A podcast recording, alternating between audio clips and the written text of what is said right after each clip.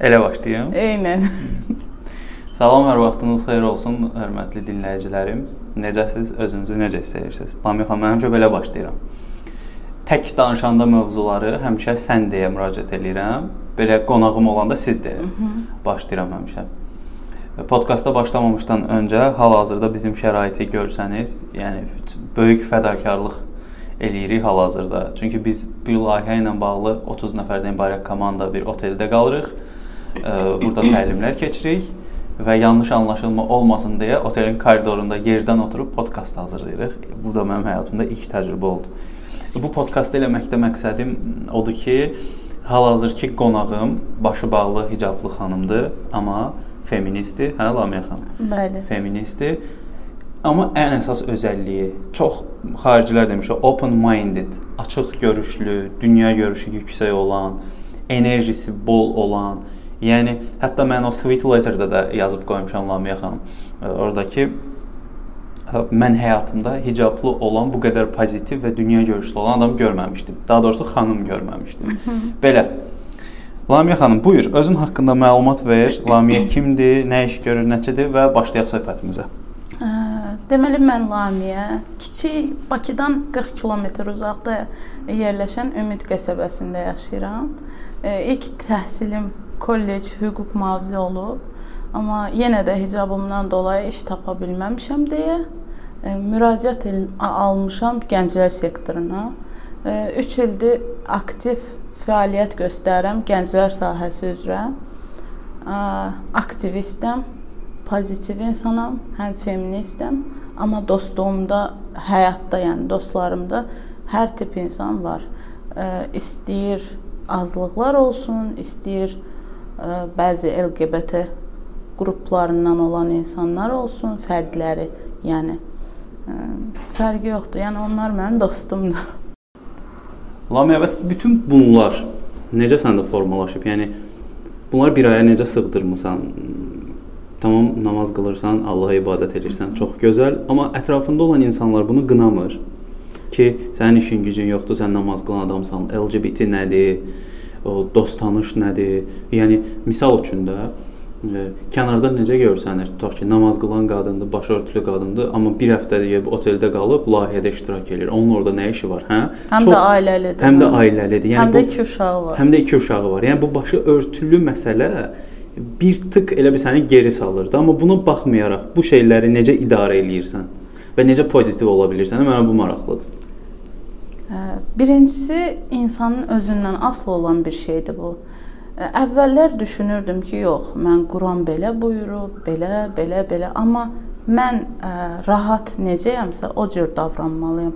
Çünki bu həyata bir dəfə gəlirik, bir daha şansımız olmayacaq bu həyata gəlməyə və bizim üçün, bizim tutduğumuz pozisiyada əgər düz nöqtədə isə biz bizə o yanlış anlaşılma olsa belə, biz yanlış nöqtədə deyiliksə, ə, irəliləyə bilərik də, yəni istəyir kimsə sənin dostundur, kimsə mən gecə 3-də bura mafiya oynamağa görə gəlmişəm, sırf əyləncəm üçün ki, yəni mən Hilton oteldə başqa bir təlimdə qalırdım.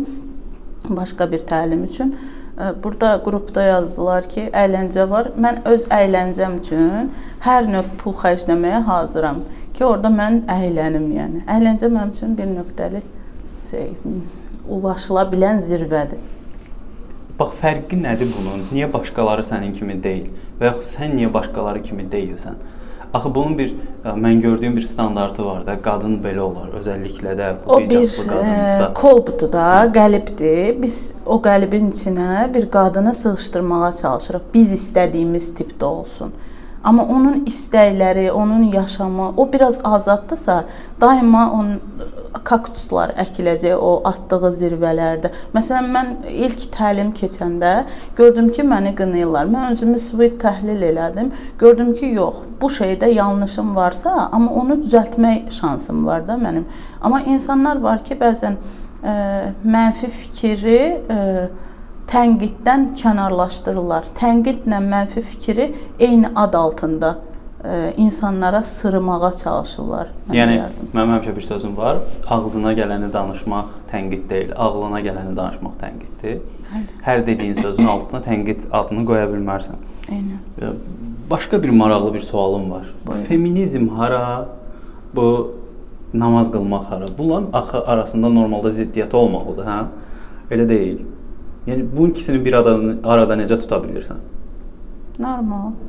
Məsələn, mən bir qadın, mən yaşadığım ə, Ümid qəsəbəsində həssas qrup icmadır da. Yəni orada ə, qaçqın, köçkün əhali ilə yaşayırıq biz.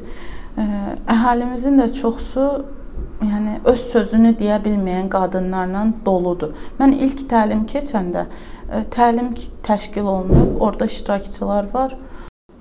Orada iştirakçılar ə, arasında bir xanım var.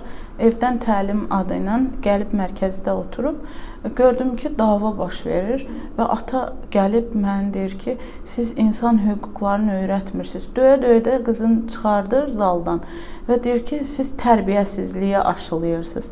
Deyirəm ki, Quranımızda nə buyurulub? Qadına qarşı şiddət olmaz, azadlıq vermək lazımdır. Tamam, öz çərçivəsində olar da, Amma yenə də bu tipdə insan hüquqlarından danışırıq, amma insan hüquqlarının tapdandığı o qədər ev, o qədər ocaq var ki, yəni sayıl barmağa yerləşməz də onun sayları. Mən o qadınların hüquqlarını qoruyuram ki, hansı ki salam verəndə üzü qızarır, salamı belə ala bilmir. Onlara danışmaq üçün özgüvən yaratsın istəyirəm birinin bu bağı qırmağı lazımdır. O da məncə mənim fərqli olmağıma görə. Mən əvvəllər elə bilirdim autistəm, mən ya Asperger sendromu zadıyam ki, mən millətdən fərqlənirəm, ya uzaydan gəlmişəm, ya nə isə.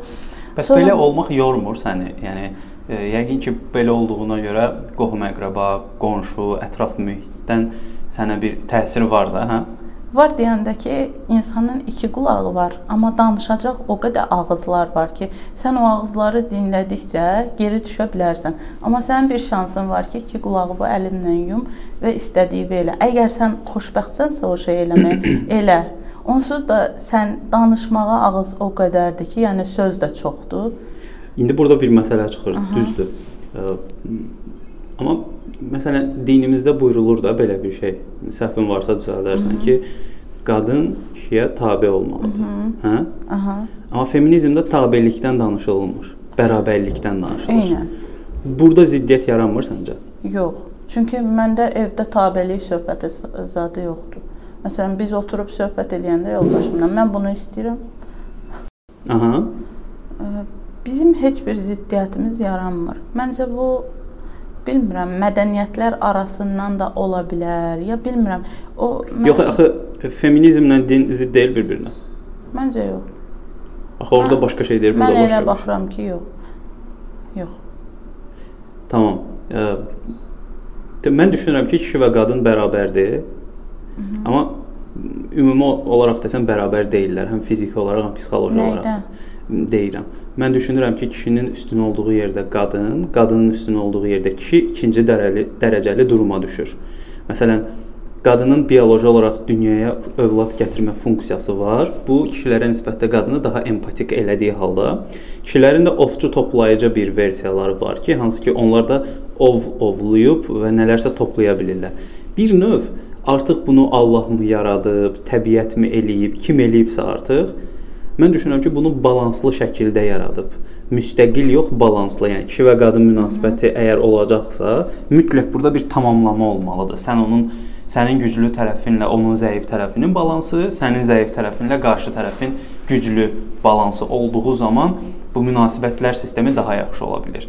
Və ə, e, qadınlar kişilərə nisbətən daha empatikdir. Bayaq dediyim kimi dünyaya uşaq gətirmə funksiyaları var, amma Səncə niyə Azərbaycanda qadınlar əzilirlər? Bu biraz əzilirlər məsələsini belə çox şişirdirəm. Əzilirlər yox, kişilərə nisbətdə daha belə ikinci planda qalırlar. Yəni məsələn bir qadın daha rahat ləkələnə bilər bir qadın məsəl üçün boşanmış qadınlar tamam indi biraz düzəlsə də, amma yenə də var da qıraqlıda insanlar tərəfindən lənətlənə bilər. Bir qadının elədiyi hərəkətlər daha tez gözə batır və s. və s. Məsələn, mənim Niyə belədir səncə? Bir şey deyim sizə.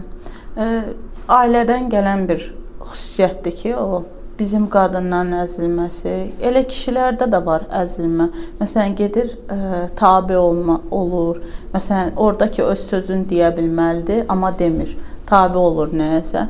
Amma qadınlarda niyə? Ə, məncə bu uşaqlıqdan irəli gəlir ki, hal-hazırda uşaqlarla işləyirəm. 4-6 yaş arası. Onların psixologiyasında belə bir şey var ki, onlar deyir ki, müəllimə onlara bir söz deyim Və sən müəllimə olaraq o uşağa deyirsən ki, dayan da dərsimi keçim. Sonra o uşaq öz sözünü demək üçün anasına deyir ki, anası da yemək bişirir. Deyir ki, ana, ana, olar bir söz deyim. O da deyir ki, dayan da, görmürsən yemək bişirirəm. Oradan sus, buradan sus, oradan sözün kəs, heç nə dinləmə, dinləmə, dinləmə və bu onu əhəmiyyətsiz bir insan halına salır ki, sonra da görürsüz qızlarımızın çoxusu, məsələn deyirsən ki, sənin arzun var bu həyatda. Deyir ki, heç arzu nədir? Hobbisi nə ola bilməyən qızlarımız var. Kukla teatrını görməyən qızlarımız var bizim Ümid qəsəbəsində. Hansı ki, deyirəm, falan yerə gedək, müəllimə təlimçi olaraq da, yəni gənc qızlar arasında Onlar deyir ki, falan yer haradır müəllimə? Deyirəm, mən onlara bilsiz nə deyirəm? Mənə müəllimə deməyin, mənə Lamiyə deyin. Çünki onlar üçün rahat ortam yaratmağa çalışıram ki, tam bölüşə bilsinlər hər şeylərin. Bəlkə nə isə orada ana qısnaması, ata qısnaması, qardaş qardaşla qorxudurlar. Sənin qardaşın balaca olsa da sən ona tabe olmalısan, sən ondan qorxmalısan. Amma belə bir sistem yoxdur bu həyatda. Məncə bundan irəli gəlir ki, qızlar o deyirsiz, cəmiyyətdə boşanmış qadınları lənətləmək, eləmək. Məncə sən düz yoldasansa, yenə də o sözümü gəlirəm. Əgər sən düzsənsə, heç kimə heç nəyi sübut eləməyə çalışmayın heç vaxt. Çünki özüm də heç o bir dəfə 10 17 yaşımda atamın pulu çox idi. Yəni çoxlu dükanları var idi. Oğurlanmışam ə, texnikumdan qaydanda. Yəni bu pula görə baş verib. Nə isə bir cinsəl şiddət falan olmayıb mənə sırf hicablı idim, sırf sakit dərsə gedib gələn bir xanım idim, amma oğurlanmışam sırf pula görə. Və polis məni tapanda İçəri şəhərin zirzəmisində bir balaca domikdə saxlanılırdım. Orda məni polis tapdı. Və mən qorxaraq dedim ki, elə bildim məni tutacaqlar falan filan. Nəysə o oğlanı da tutdular. Kim ki məni oğurlamışdı. Çox nəslimdə çox adam dedi ki, bu özü göz qaş eləyib qaçıb, ailə məqsədi ilə qaçıb və heç kimə heç nəyi sübut eləməyə çalışmadım. Çünki mən haqlı idim və və kiməsə bunu sübut eləsəm belə hər kəs o beynin nə axtarırsa ona da nail olacaqsan da. Kim nə düşünürsə onu da. Sonradan sonradan işim, ailəm, evim, uşağım olandan sonra kimlərsə niyyətini dəyişdirdi mənə qarşı ki, hansı ki atamı öyrədirdilər ki, bunu belə elə, bu qız səni belə elədi, elə elədi, amma halbuki ortada elə bir məqam yox idi. Bir də onu demək istəyirəm ki, nəsil barədə gələndəki ünsiyyət, el qınağı falan mənə lazım olan insanlar mənim kontaktımda var. Mənim 3 xalam var, məsələn. Onun biri ilə əlaqədəyəm. Çünki kiminsə fikrini eşitmək istəmirəmsə, ona heç nömrəmi belə verməmişəm. O qohumum olsa belə. Həm də Lamiq burada çox qəşəng fikirlərin var. Oğurlamaq məsələsini bilmirdim. Maraqlı gəldi mənə də həqiqətən ki, yəni onun travması və s. və s. şeylərdən var idi deyərdim ki, amma indi də o üzrə ona görə feministəm ki, elə qızların hüquqlarını qoruyum. Həm də mən burada insanların etiketlənməsini həmişə vurğulayıram. Qadınlar və kişilər öz sahələrinə uyğun etiketlənirlər. Məsələn, qız uşağı olanda deyirlər çox şirindir qadın sonra şeytan olur, sonra ana olanda müqəddəs sayılırsan. Burada tam olaraq qadın kimi olur. İnsanları etiketlədiyin zaman doğru şəkildə analiz eləyə bilmirsən. Çünki etiketləmə bir ümumiləşdirmə anlayışıdır və ümumiləşdirən zaman sən dəqiq analizə apara bilmirsən. Analiz eləyə bilməyən insanlar olurlar geri zəkalı və hər şeyi ə, ümumi şəkildə qiymətləndirirlər və bu da problemlərə gətirib çıxarır. Xanımlara nə məsləhət görərsən olmaya? Necə bir xanım necə olmalıdır sənin üçün? Məsələn, e, heç kim, nə ailəsi, nə uşağı, nə əri, nə atası, nə anası onun üçün təhsil almasına, inkişaf eləməsinə maneçilik törətməməlidir.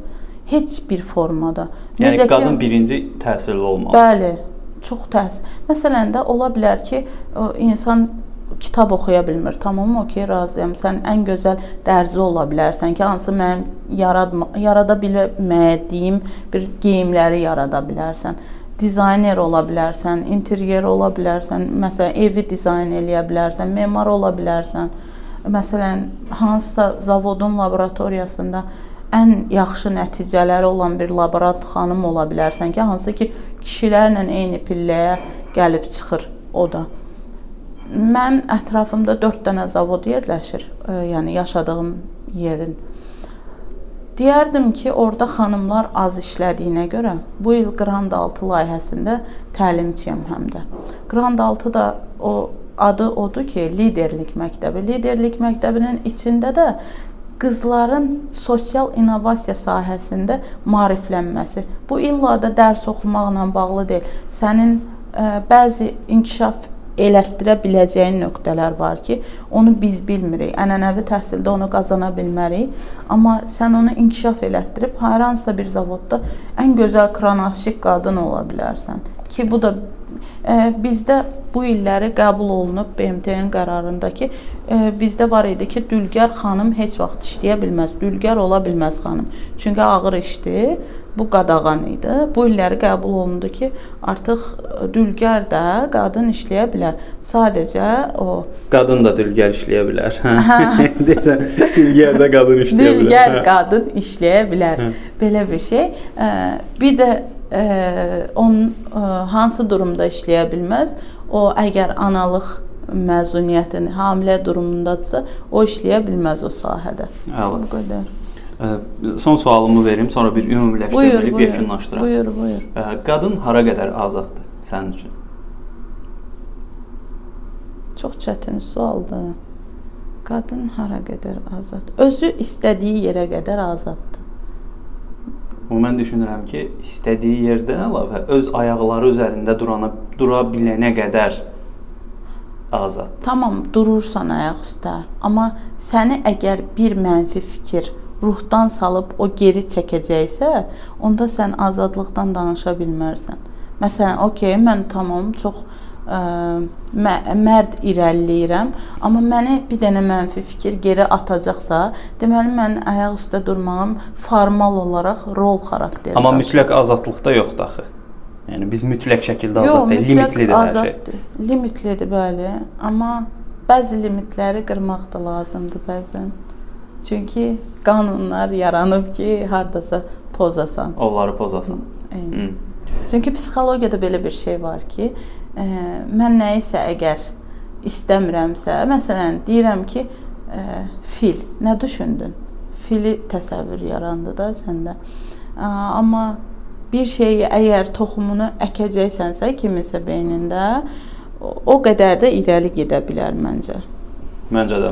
Mən də ümid edirəm ki, gələcək nəsillər qadınların beynində ərə getmək toxumunu yox, oxumaq toxumunu əkərlər və uşaqlıqdan uşağa məsələn ad günündə deyirlər ki, "A, sənin üçün cehiz aldım." 6 yaşında uşaqdır, gətirir ki, falan şeyi sənin üçün cehiz aldım. Uşağa cehiz yığmayın. Uşağa təhsili üçün para xərcləyin, pul xərcləyin. Hal-hazırda 30 yaşım var, 2 uşağım var.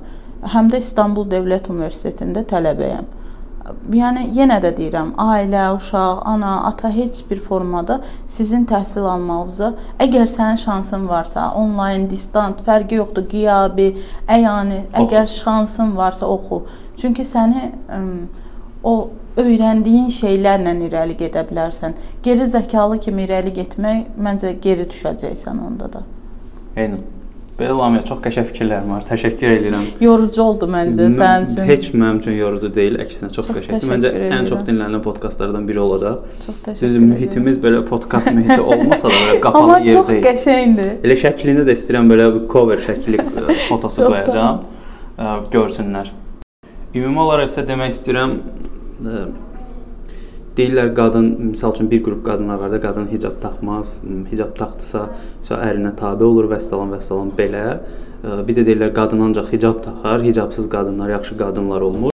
Məncə Lamiyə sən bunların hamısını bax bu o doqmaları dağıdan bir qadın obrazısan mənim üçün həqiqətən səmimi deyirəm. Ona görə ki, əgər bir qadın hicab taxmağı və ya taxmamağı seçirsə, özü bilər. Əsas odur başı örtülü ola bilər, beyninin içi örtülü olması, necə ki sənin kimi, o onun şəxsi seçimidir. Kimsə mini ətək geyinirsə, kimsə də hicabdan istifadə edə bilər və bu da normal bir geyimdir və bu onun üçün məhdudiyyət yaratmamalı. Hə, bu bir ayrıcalıq deyil. Ona görə bu sırf buna görə diskriminasiya eləmək heç doğru deyil. Hələ işə qəbul olmama proseslərində ümumiyyətlə doğru deyil.